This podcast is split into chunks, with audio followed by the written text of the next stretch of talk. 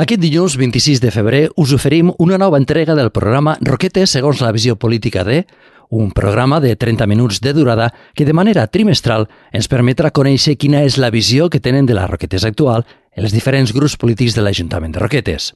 Cada dilluns d'aquest mes de febrer hem conversat amb una regidora o regidor portaveu de cadascun dels partits que formen el consistori de Roquetes. I aquest darrer dilluns d'aquesta sèrie de programes, aquest dilluns 26 de febrer, parlem amb Cisco Oller, que és el portaveu d'Esquerra Republicana de Catalunya a l'Ajuntament de Roquetes. Hola, què tal? Molt bon dia. Molt bon dia. Portem ja gairebé un any de legislatura i des de l'equip de govern, vostè com a portaveu, quin balanç en fa? Bé, eh, en principi, en aquest any, o pràcticament un any que portem de legislatura, una de les coses que puc dir és que eh, és un govern de continuïtat i per tant això vol dir que les polítiques que portem a terme durant este pràcticament any que portem governant és, també han estat polítiques de continuïtat. Evidentment que eh, tota continuïtat port, comporta tota una execució de tasques entre les quals podríem anar ja després desgranant des del punt de vista d'obres, serveis, eh, atenció a la ciutadania, educació, etc. Dir que eh, és allò de que la màquina no va parar, vam continuar i així continuarem. Ha comentat que hi ha diferents apartats que, que poden comentar. En ells les obres potser són les que el ciutadà més uh, ràpid visualitza. Pel que fa a aquest any, o en aquesta legislatura en global, pel que fa a les obres, què, què, què notarà el ciutadà? Primer que res, eh, en aquest cas tenim eh, la rotonda del magatzem de Codorniu, per d'alguna manera perquè la gent se situa, que és el carrer Constitució, que era antic carrer Constitució, que ara que és carrer 1 d'octubre.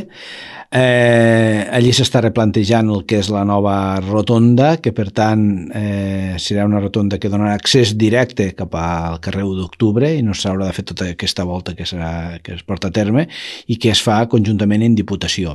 També, en aquest cas, eh, estem ja intentant intentant d'una manera o altra que tan aviat com se pugui també eh, arreglar eh, o acabar d'arreglar la carretera que porta hasta el Regués eh, i el que porten doncs, pràcticament un any d'obres i sabem que és un inconvenient per als veïns, però una vegada estigui a la carretera acabada trobarà molt bona milloria a nivell d'amplius i sobretot per a carrils bici.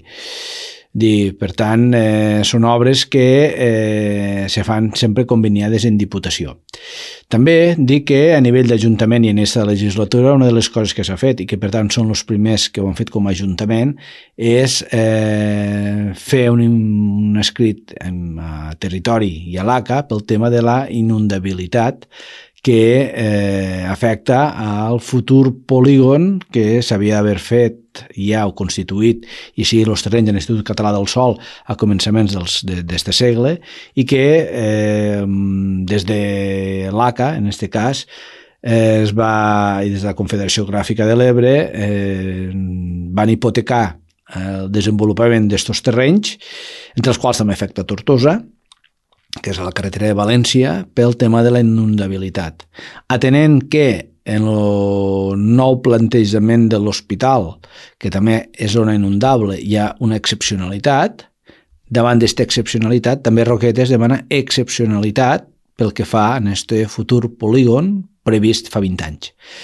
Per tant, és un escrit que s'ha enviat a la Confederació Geogràfica de l'Ebre, que al cap de la fi és la que té la potestat sobre el riu i sobre els terrenys lindants, i estem a l'espera de la resposta. Mm, creiem que si verdaderament s'ha desafectat ja els terrenys de l'hospital, això ens pot afectar també positivament a la, des, al desenvolupament mm, industrial d'esta zona, que acabo de dir. I bé, eh, hi ha més coses, estem pendents de les subvencions del PAM, del, que són de Diputació també per tirar, eh, per fer noves obres a nivell de roquetes, i també tenim, en aquest cas, eh, planificació d'obres eh, que afecten al nucli urbà de Roquetes i que eh, si en l'OPAM i també eh, si surt un dia o altre el PUS, que és les subvencions de la Generalitat, afectarien també el que és el casc històric de Roquetes. Parlant d'aquestes obres que s'estan fent al municipi de Roquetes, hi ha altres obres que no depenen directament de l'Ajuntament, sinó que en aquesta ocasió està executant la Diputació de Tarragona, que també són importants per al municipi, com és, per exemple, eh, les obres que estan fent a la carretera de, del Regués, no? Sí, sí. A veure, eh, ja sabem que tot el que és la carretera del Regués és Diputació, però eh, sí que en aquest cas hi ha col·laboració directa amb l'Ajuntament pel que fa a, eh, a l'obra en si, perquè afecta el terme de Roquetes. I per tant això vol dir que doncs, bueno, sobre el disseny de la carretera, les rotondes i tota la disposició de viària s'ha fet consensuada, perquè clar, una vulgués o no, eh, ens afecta a nivell de terme i sobretot és una bona eina de comunicació perquè eh, és la que ens dona accés per un costat al Regués i Aufara i per l'altre, evidentment, al port. I parlant d'aquestes vies de comunicació i també de promoció del municipi de Roquetes, parlem de la Via Verda, perquè també la Diputació està portant a terme uh, obres en aquesta Via Verda que passa per Roquetes i que s'amplia. Sí, sí, sí. Eh, en aquest cas eh, també s'està fent la nova, la nova variant de la Via Verda, que és per l'antiga via de, de, de, del tren cap a València, en la qual ha de portar també des de Roquetes a la part de, de la Ràpita i la part del Delta. Vull dir que ja tindrem un altre ramal, en lloc d'anar cap al nord i cap a la Terra Alta, en aquest cas també es podrà anar de cara al sud, i que per tant això ens afavoreix com a Roquetes, com a un centre de destinació turística, i que, vulgues o no, eh, els caps de setmana eh, allí el, el que és els aparcaments del costat de l'institut sempre s'ompli de cotxes en bicicletes per anar poder fent. Eh, ara per ara la ruta del nord però esperem que aviat la ruta del sud de manera que sigui un punt d'intersecció en la qual a les roquetes li dona molta visibilitat. I lligat en això, clar eh, quan s'arregla la carretera del port una de les coses que també es pretén és que hi hagi eh, turisme de bicicleta eh, per a pujar caro bé al Portell o bé a Caro. Això què voldrà dir? Que encara serà un nucli de més eh, cabuda i de més eh, ciclistes a, eh, a Roquetes. Això també ens hi estem trobant en l'aparcament d'autocaravanes. L'aparcament d'autocaravanes, no sé si la gent passa sovint, però se'n pot, se pot adonar de que sempre està ple. Per tant, és una de les coses que també estem ja preveient de com i d'en quina manera mm, ampliar el parc d'autocaravanes, atès de que sempre el tenim ple. Bé sigue de gent que va al port, bé sigue de gent que va en bicicleta, o bé sigue perquè bueno, les instal·lacions que hi ha allí Eh, hi ha altres municipis d'aquí de l'entorn que no tenen el servei que dona este aparcament d'autocaravanes i per mig de les aplicacions que tenen eh, tot aquesta, aquest món de l'autocaravana se comprèn que deixen com un dels millors llocs per a poder fer eh, acampada en, estos vehicles. Està clar que, com diem, les obres és una de les coses que la ciutadania més pronta se'n dona compte de que s'està actuant, però hi ha altres coses que també són importants per al dia de com són l'atenció al ciutadà, els serveis. I ja que estem parlant d'aquesta zona d'autocaravanes, al costat mateix tenim serveis importants com són el pavelló i la piscina coberta. La piscina coberta que podem dir entrat en una nova etapa?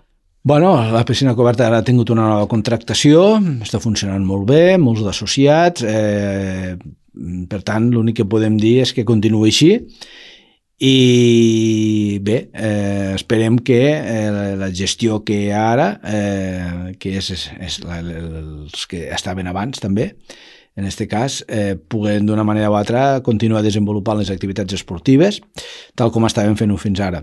També dir que hi ha un... també donen servei eh, pagant, evidentment, a tota la gent que està a les autocaravanes. És a dir, que la, la gent que té està, eh, que, que, que s'hostatja i que acampa al, al càmping d'autocaravanes té un servei que potser altres llocs no tenen.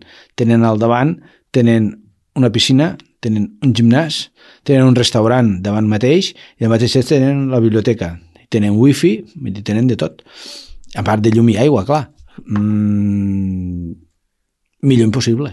És allò com estic a casa però voltant pel món. Diguem, qui ho voldria, no? Qui ho voldria? I parlant d'aquestes infraestructures, al costat mateix de la piscina coberta, com diem, tenim el pavelló, que sembla que potser farien falta hores al dia per a utilitzar-lo. Bueno, el problema que tenim en el pavelló és que, clar, eh, tots sabem que ens vam trobar eh, que Roquetes tenia, bueno, com qualsevol municipi, organitza tota una sèrie d'actes i esdeveniments, en la qual també entitats esportives necessitava un pavelló si hem tingut un pavelló i ara potser és allò que dic que potser morirà d'èxit, perquè contínuament, eh, entre el voleibol, el futbol sala sobretot, tenim activitat contínua. Això a vegades ens hipoteca també a nivell d'Ajuntament fer activitats i no oblidem que el pavelló és municipal. I municipal vol dir que és de l'Ajuntament i el cedix. Mm? Això és una de les coses que també s'ha deixat damunt la taula, s'ha deixat clara. Eh, per exemple, este cap de setmana passat eh, han fet eh, el que és el Carnestoltes. Mm? Però, clar, hem hagut d'anar combinant també en que el vòlei no tingués, eh, sobretot l'equip gran, no tingués competició perquè necessiten tota la pista de manera transversal, no necessiten, com abans que necessitaven les pistes eh, vertical, ara necessiten horitzontal, necessiten tota la pista. Per tant, això t'hipoteca poder fer, eh, segons quins caps de setmana, activitats culturals o lúdiques per al municipi. Eh, clar, mm, està damunt la taula la possibilitat de fer un altre pavelló? Per ara no, per ara no, perquè prou ha costat tindre'n un, però costa mantindre les instal·lacions, que això també s'ha de dir. dir. Una instal·lació no, no és ficar-la al món, és mantindre-la. I, però potser sí que haurem de replantejar potser eh, a la curta o a la llarga veure què fem. Mm? Tenim ara el comodí, és allò de la, la carta, el comodín del públic, no? que és el pavelló de l'arrabal de... el casal de l'arrabal de Cristo, que l'hem transformat en un espai més ja per a poder fer pues, obres de teatre o fer algun tipus d'esdeveniment musical i tal. Però, clar, ja ens queda desplaçat del nucli urbà de Roquetes. L'altra idea és que si eh, també tenim la subvenció que pertoca per a desenvolupar el mercat com a centre, com a centre de difusió cultural, pogués tenir també un bon espai per a poder fer activitats culturals i no pogués dependre del pavelló. Però ara per ara són espais, un ja el tenim, però eh, no se li dona potser l'ús que necessitaríem per activitats que es poden fer dins del municipi de Roquetes, per no desplaçar la gent, i l'altre és veure la possibilitat de, en principi, habilitar quan se pugui reformar, perquè és el projecte fet, del eh, antic mercat com a espai de cultura. Llavors allí sí que hi hauria una sala gran polivalent que seria tota la part de baix a on ens permetria pues, fer pues, bueno, que diem, alguna activitat cultural, musical, eh, teatral, que sigui. També tenim la col·laboració de la Lira, això evidentment que sempre la Lira podem comptar i tal com us va dir la Junta en el seu moment per a poder disposar de l'espai de la sala eh, de la sala Cisco Trullent o de la sala polivalent d'aquí de la biblioteca però a vegades en esdeveniments grans ens trobaríem, ens trobaríem hipotecats. Per exemple, ens va passar a l'altre any en el Rei León, que vam haver de mm, fer mans i mànigues per com ho podíem fer, perquè això traia molta gent, i eh, necessitàvem el pavelló. És a dir, que segons quins tipus d'esdeveniments no es pot fer, perquè no tens l'espai, perquè està hipotecat per l'esport. bueno, ja es veuria, perquè el pavelló és un pavelló eh, poliesportiu que també el vam dissenyar quan se va dissenyar per a fer activitats musicals i teatrals per al tipus de sonoritat. És a dir, que eh, no retrone ni reverbere quan se facin activitats musicals o de teatrals. I així està fet i, per tant, els grups que han vingut a fer eh, activitats musicals o teatrals ho diuen, diu, hosti, és un pavelló, per primera vegada mostrem un pavelló aquí al territori que no retrona. bueno, doncs perquè ho van pensar. Per tant, no ha de ser només esportiu, també ha de ser cultural. I això és una de les coses que vull ficar damunt la taula, com a regió de cultura. I com a regidor de Cultura també parlem de l'activitat cultural al municipi de Roquetes. Aquest, aquest passat cap de setmana es va celebrar el Carnestoltes, fa pocs dies també van celebrar la festa de Sant Antoni. Força activitat, no?, al municipi? Sí, sí, sí. A veure, eh, després que la gent no pugui dir que és que a Roquetes no es fan coses. A Roquetes en fan moltes de coses. Evidentment que hi ha, per allò que diuen abans, per a gustos colores, no? Eh, se fan moltes activitats i tant com hem dit, aquest cap de setmana passat s'ha fet el eh, Carnestoltes de Roquetes. Sí que hem hagut de canviar la ubicació perquè de la rotonda on se volia sortir, o sigui, que es volia sortir des del Parc Natural no es pot perquè està la rotonda en obres i sortirà la, s'ha sortit de l'escola eh, Marcilí Domingo. Però així tot, dir, hi haurà festa a la tarda, hi ha, hi ha hagut festa a la tarda, hi ha hagut festa a la nit al pavelló i carpa per als jovens al costat de l'institut. Vull dir, una carpa per a 700 eh, jovens, vull dir que ha estat prou plena, amb prou d'ambient i, per tant, una manera o altra també de celebrar el que diem, no? que comença la quaresma, comença l'abstenció fins la Pasqua, que no això de l'abstenció i, i ha passat a la història, però bueno, una mica la cosa anava per aquí, els 40 dies són tradicions que sí. també es viuen al municipi i parlem ara, si li sembla, d'educació, de, perquè vostè també és el responsable d'educació a l'Ajuntament de, de Roquetes. També el sistema educatiu ha anat canviant i també les infraestructures s'han tingut que anar adequant no, al municipi. Sí, bé, eh, ens trobem en, en a veure, ja sabem que tenim dues escoles de primària, una molt gran, una altra més menuda que depèn d'una zero i un institut molt gran que, malgrat que no sigui competència nostra, els efectes col·laterals que dic jo sempre ens pertoquen. No? Claro, ara estem en el tema de eh, l'ampliació de l'Institut de Roquetes, en la qual l'Ajuntament ja va ser els terrenys i estan fent-se ja l'avantprojecte. Eh? Això què vol dir? Que suposem que durant enguany ja tindrem l'avantprojecte de l'Institut fet i això voldrà dir que, eh, bueno, ens mm, van dir que en dos anys tindríem l'edifici nou, dat i beneït. Eh, és una de les coses que hem anat sempre detrás del Departament d'Educació, però tal com hem dit algunes altres vegades aquí, no es va poder executar en el seu moment per la crisi financera que hi va haver i sobretot perquè eh, des de planificació del Departament d'Educació van prioritzar sobretot els municipis, eh, l'educació obligatòria. I aquí ens trobem que tots els cicles formatius és postobligatori. Però ara tenim, hem tingut la sort de que com tenim l'aula eh, de suport de l'alumnat que surt de l'aula hospitalària i que per tant és obligatori, i els tenim als edificis municipals, en aquest cas aquí al centre cívic, això ens ha permès entrar com a obra preferent. Si no, ens haguéssim hagut d'esperar. Per tant, Eh, davant d'això, sí que és el que us dic, davant dels terrenys que es van cedir al Departament d'Educació ja fa uns 15 anys, ara ja s'està fent l'avantprojecte, s'han fet les cates, s'ha fet tot ja per a saber exactament com si este avantprojecte, en el qual ens ensenyaran més o menys com quedaria. Encara que nosaltres no tinguéssim la competència de l'edifici, evidentment sempre està la deferència d'ensenyar-nos com serà, i ja està. Això ve un costat. I després, també, estem en el tema de la llar d'infants.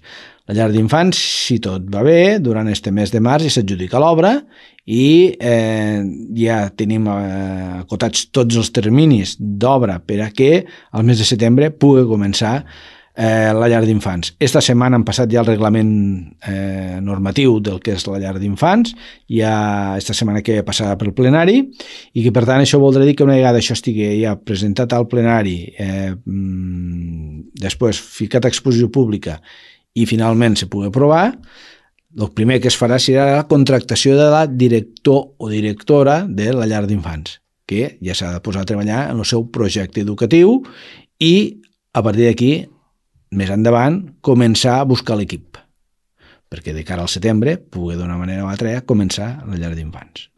Això pel que fa als més petits de la ciutadania, la llar d'infants, uh mhm. -huh. i pel que fa a la gent gran, hi ha previst alguna actuació? Bé, eh, pel que fa a la, a la gent gran, en aquest cas, eh, enguany fan 40 anys l'associació de jubilats de Roquetes, s'està fent un llibre, en aquest cas el fa l'antic alcalde, el Mariano Gil, en, en aquest cas en, en, en col·laboració amb la Junta que hi ha ara, i per tant l'any que ve eh, faran ja, bueno, doncs ja seran, ja hauran fet els 40 anys i llavors ja se'n parlarà de quin tipus de reconeixement se'ls fa i se'ls dona. Mm? Eh, bé, les instal·lacions, en aquest cas de la, del centre de la llar de jubilats, doncs, bueno, ja se'ls va fer la pèrgola en el seu moment pel sombrejat que demanaven i també s'està fent tot el manteniment de tot el que es pot, de tot el que ells demanen de dins del, de l'espai de la llar de jubilats i tenim col·laboració directa en la qual la regidora es reuneix en ells periòdicament per a resoldre tots aquells dubtes i problemes que puguen arribar a tindre. Això pel que fa a la gent gran, hem parlat també de la gent jove i en general, si parlem de l'atenció al ciutadà, també és important donar aquest suport a l'Ajuntament, no?